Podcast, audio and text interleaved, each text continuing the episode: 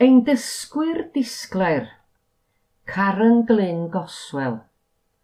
Ailgysylltu a fy ngwreiddiau ac a hen hen frwyddwyd yddwn ni pan ddechreuais ddysgu Cymraeg.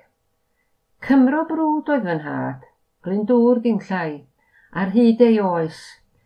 Er mod i wedi cael fy ngeni ef y magu yn Lloegr yn ddi Gymraeg.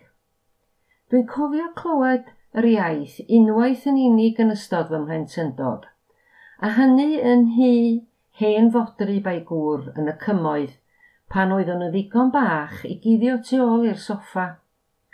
Sioc anferth a chyffroes oedd da ganfod iaith nad oedd yn Saesneg, a hynny ymhlith fy nheulu fy hun. Pan gefais esboniad fy nhad wedyn, mae iaith yr hen bobl oedd hi.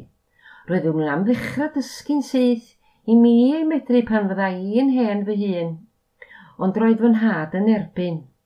A dyna oedd diwedd y syniad am y degawdau nesa rhwng tyfu a gwaith priodi a magu teulu.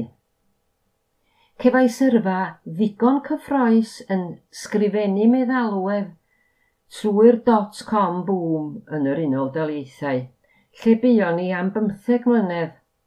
Ond erbyn 2006, roeddwn ni nôl ochr yma i'r Iwerydd, ac wedi newid cyfeiriad yn llwyr, gan ddechrau busnes yn magu alpacod. Yr alpacod agorodd y drws i ni feddwl am symud i Gymru, ond dyma gofio'r hen freuddwyd hefyd. Felly, doedd dim dwywaith mod i'n mynd i ddysgu. Dechreuais ar-lein gyda'r rhaglen lafar Say Something in Welsh – gan ddysgu digon i mi allu cyfarch ein cymdogion yn Gymraeg o'r dechrau un. Creda bod hyn yn allweddol bwysig, er mod i ddim yn medru deall lliw lawer o'r ymatebion pryd hynny. Cymraeg oedd iaith y berthynas yn y bôn, fel sylfaen i adeiladu arno. Roedd rhaid i mi ddysgu fy hun i ddarllen Cymraeg, wedi mi benderfynu sefyll yr arholiad canol radd, fel maen prawf ar hyd y ffordd a dyma ddechrau golli mewn byd o lyfrau oedd yn hollol newydd i mi. Nefoedd. O ran fy iaith ysgrifenedig, cefais rhan helaeth y cwrs meistroli o bell trwy e-bost gan Brifysgol Bangor cyn i fy nhiwtor ymddeol. Y gymuned fi'n gyfrifol am y gwaith mwyaf.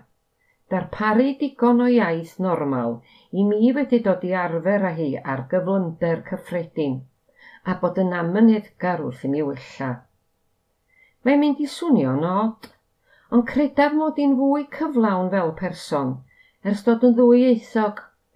Nid yn unig bod profiadau mewnol wedi cyfoethogi gan ail iaith, mae cymaint mwy o ffyrdd i fynegu popeth, ond hefyd boi gen i yn anisgwyl braidd bersonoliaeth newydd allblyg yn y Gymraeg – sy'n gyferbyniad llwyr i'r un mewnblyg sy'n gen i yn y Saesneg. Wedi sgwrs hir Saesneg, bydd rhaid cuddio am sbel i gael fy egni'n ôl. Mae'n blinedig. Ond nid felly yn Gymraeg, lle bydd cwmni pobl eraill yn rhoi egni i mi bob tro, sy'n llawer mwy o hwyl. Dwi'n aelod o ddwy gangen o ferched y wawr, un sy'n eitha mawr yn y dref ac un sy'n fwy pentrefol. Felly dwi'n cael y profiad o raglenni gwahanol, ynghyd â mwy o gyfleoedd i ddod i nabod pobl.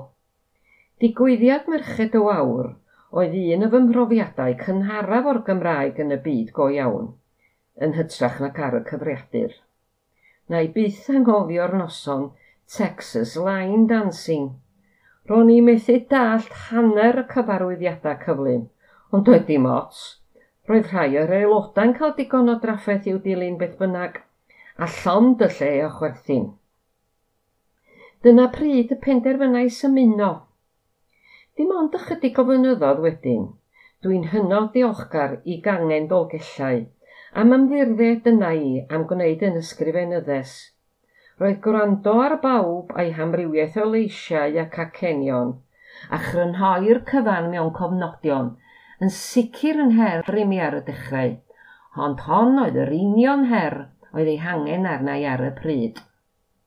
Adra ar y fferm, dwi wrth fy modd yng Nghwmni'r Alpacod, a hefyd yn gweithio i cnioedd, unau yn gwehyddu neu yn dylunio cynlluniau gwehyddu newydd ar y cyfriadur. Fel arall, yn yr ardd neu yn y tŷ gwydr fyddai, neu yn darllen ond mae'r arfer Cymraeg o bwyllgora yn sicr wedi cydio. Dwi'n falch iawn mod i newydd gael fy newis yn gadeirydd y cyngor cymuned, a hynny yn ôl y sôn fel yr un benywaidd cyntaf erioed. Dwi'n awyddus i roi rhywbeth yn ôl i'r gymuned sydd wedi bod mor garedig i mi. Plant yw dyfodol unrhyw gymuned, felly dwi hefyd ar fwrdd Llywodraethwyr Ysgol y Fro.